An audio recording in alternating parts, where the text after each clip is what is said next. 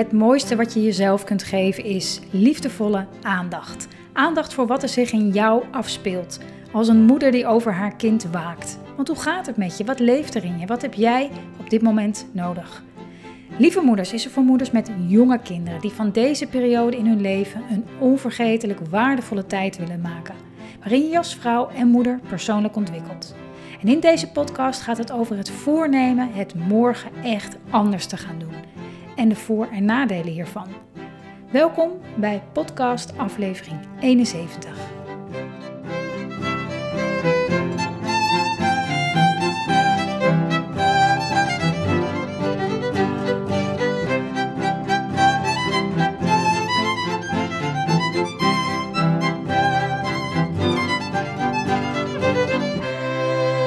Lieve moeder, wat fijn dat jij luistert naar deze podcast. Die gaat over morgen ga ik het anders doen. Dat voornemen.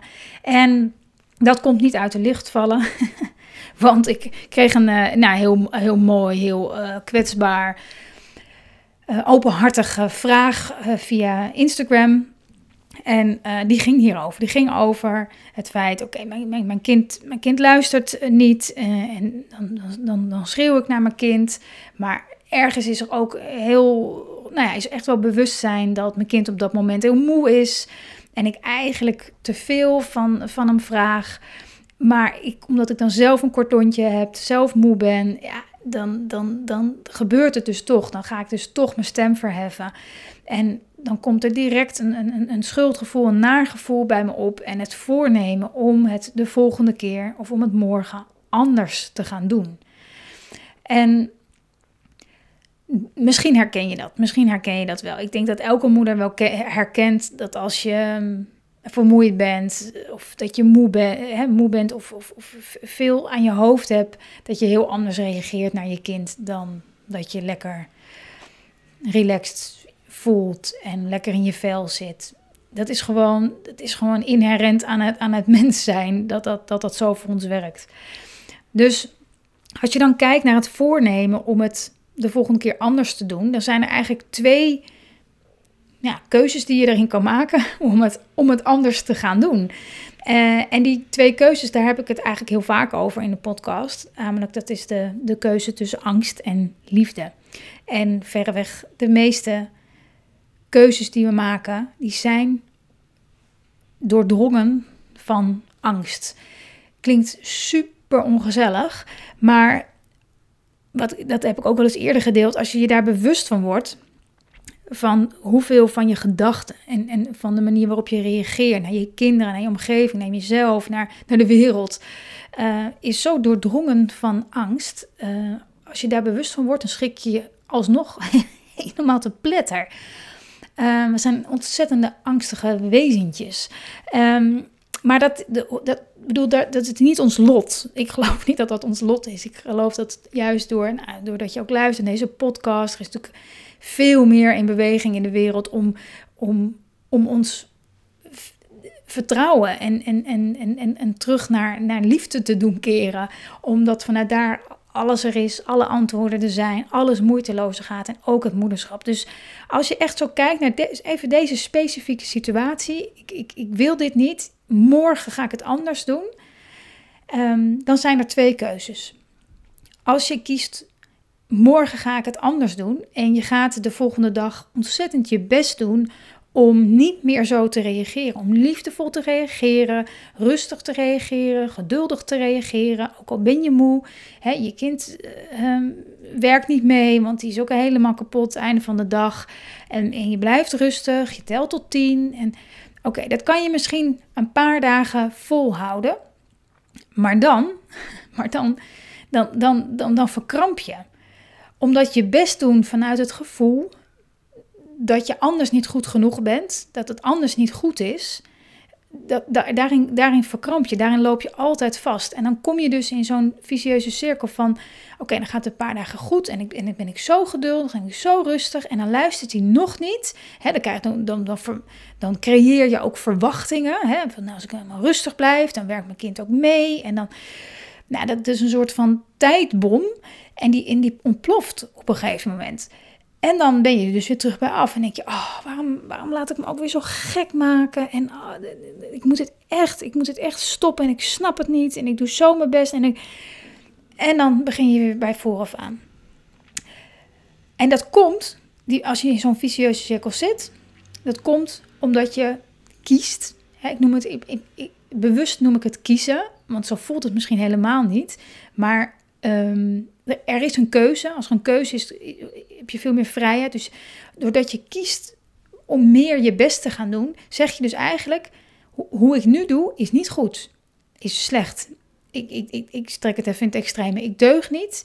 Ik ben niet goed genoeg. Ik moet beter mijn best doen om rustig en geduldig te reageren naar mijn kind. Want ik, het is niet goed. Het is niet goed. Ik ben geen lieve moeder. Dat is, vanuit die overtuiging ga je dat doen. Maar die overtuiging klopt niet. Dat is het, dat, daarom werkt het ook niet. Die overtuiging klopt niet. Uh, en, en dat is soms in ons hoofd best wel lastig te, te rijmen, omdat je aan de ene kant denkt van ja, maar het is toch ook het is toch best wel goed om je best te doen om niet tegen je kind te schreeuwen. Wat is daar dan mis mee? Um, want het is toch ook niet oké? Nee, ik denk zeker dat het niet oké is. Alleen uh, als, je, als je daarin verkrampt en zegt: en, en ik moet het nu anders doen, want ik doe het nu niet goed en um, dit moet veranderen, dan, dan, dan creëer je eigenlijk meer van wat er al was. Want er is een reden waarom je schreeuwt tegen je kind.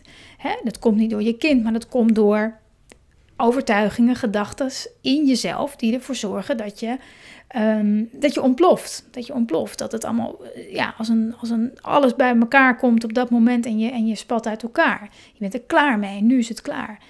En doordat, dus dan, dan, dat, door je best te gaan doen, voed je eigenlijk nog meer het, het, het probleem of het, uh, het gedrag wat je juist helemaal niet wil.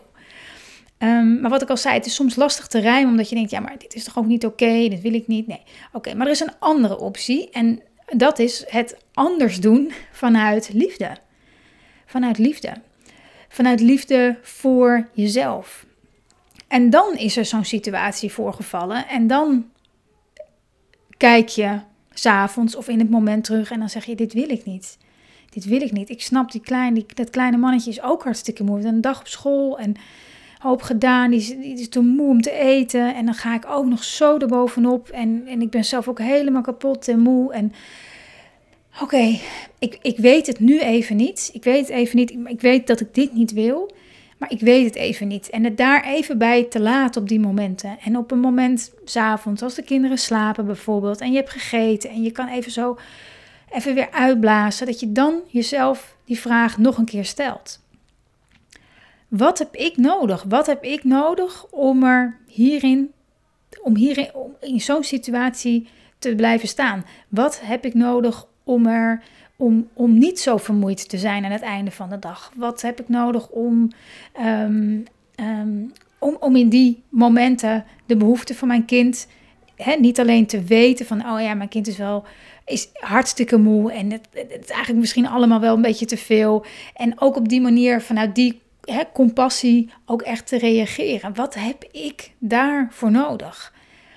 En misschien komt het antwoord dan wel direct, hè, als je zo even rustig zit. En misschien ook niet. Hè. Soms komt dat later of soms ontstaat dat. Maar stel jezelf die vraag. Opschrijven helpt enorm krachtig. Het hoeft echt allemaal niet in een een of ander eh, prachtig mooi design notitieboekje. Uh, dat kan ook gewoon op een, op een gele memo. Wat heb ik nodig om liefdevol te reageren op mijn kind?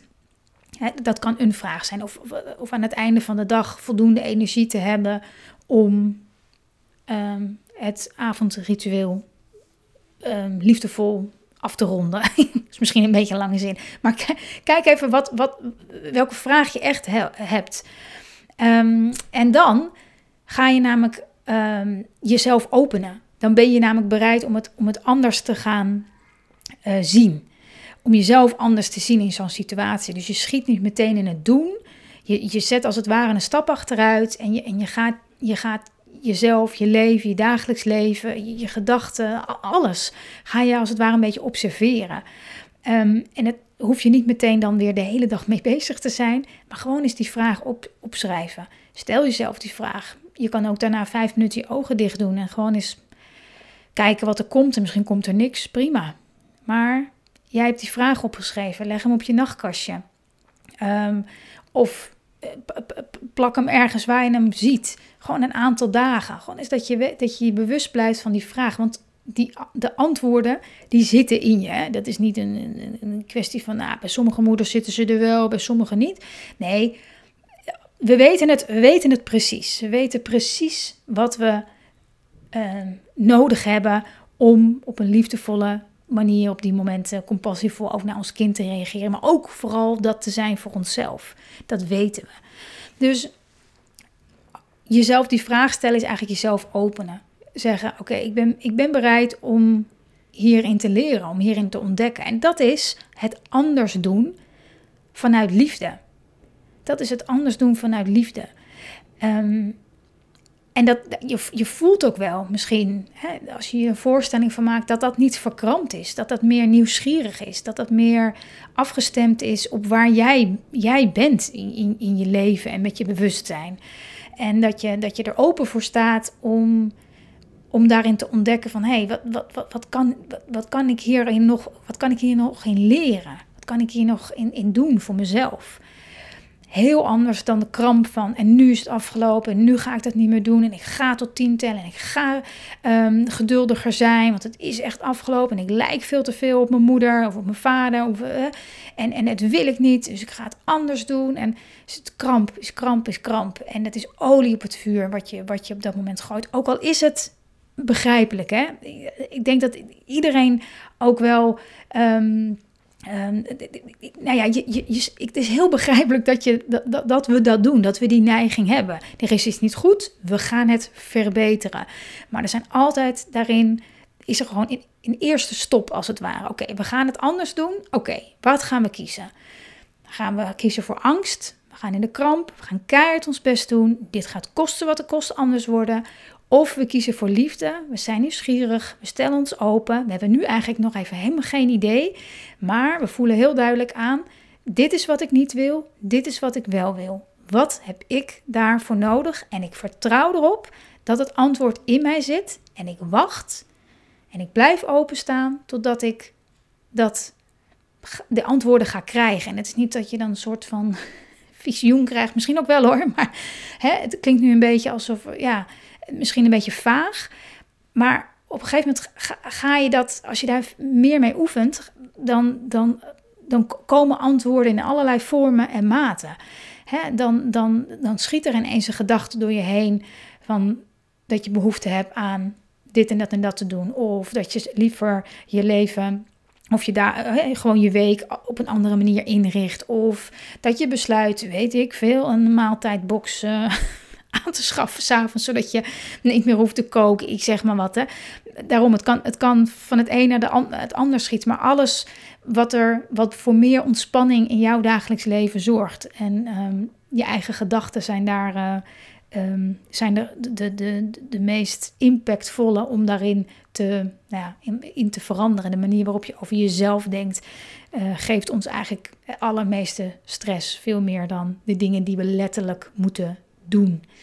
Dus ga maar eens na. Als je een moment hebt waarvan je denkt: ja, ik, ik, ik, dit, dit wil ik niet meer op deze manier. Ik wil dit anders. Morgen ga ik het anders doen. Vanaf nu ga ik het anders doen. De volgende keer ga ik het anders doen. Dat je dan als het ware eerst even een soort van ehm, wake-up call krijgt. Dingeling. Waarin je even weer realiseert: oh ja, en daarin heb ik twee keuzes. En die heb ik net benoemd: angst, liefde. En kies daar heel bewust van. En misschien kies je voor de openheid en nieuwsgierigheid en neig je na verloop van tijd toch een beetje in je best doen. En, maar je kan dus steeds weer opnieuw kiezen. Steeds weer opnieuw als je merkt van, oh, dit heb ik ook. Als ik, als ik dan weer merk dat ik ergens enorm mijn best voor aan het doen ben. Dat hoeft niet eens voor in dit soort situaties, maar met alles heb ik enorm die neiging dat je denkt, oh ja, wacht even, daar ga ik weer. Oh, ik merk het alweer aan mijn hoofd of aan, aan, aan mijn buik of waar dan ook aan, hè, mijn stem. Oké, oké, dan ga ik weer. Oh ja, wacht even. Wat als ik kies voor liefde? Wat, wat heb ik eigenlijk nodig om dit op een fijne manier nu te doen en te beleven? En uh, ja, ja, en zolang je in die kramp zit, is het vaak, komt dat eigenlijk niet echt Maar die openheid helpt je al de goede weg op. Dus ook als je verkrampt, ook dat is niet slecht. ook kiezen voor angst is niet slecht. Er is geen goed en fout. Uh, en je kan steeds weer kiezen. Oh ja, wacht even. Er is, ook er is ook een makkelijkere optie, een fijnere optie, een liefdevolle optie. Die is er namelijk echt altijd.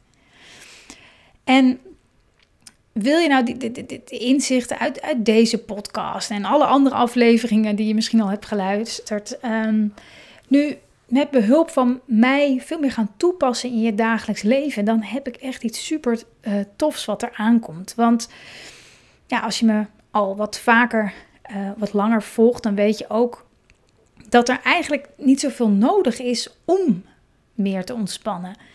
Of om je kind beter te laten meewerken, of om dingen los te laten die je nu nog uh, krampachtig vasthoudt, of wat niet werkt voor je. Maar wat het uh, van je vraagt, is je er bewust van zijn dat je steeds weer een keuze hebt. De keuzes die ik net noemde. En dat is, dat is niet moeilijk. Dat is, dat is natuurlijk niet ingewikkeld. Je hebt twee keuzes. Maar het vraagt wel om jouw aandacht, om je er bewust van te zijn. En dat is waar ik je in mee wil nemen. Om wakker te blijven voor wat goed is voor jou. Want wat goed is voor jou is automatisch altijd goed voor je kind. En ik weet dat dit soms een, um, nou, voor sommige moeders best wel al een lastig iets is om, om te, te verteren.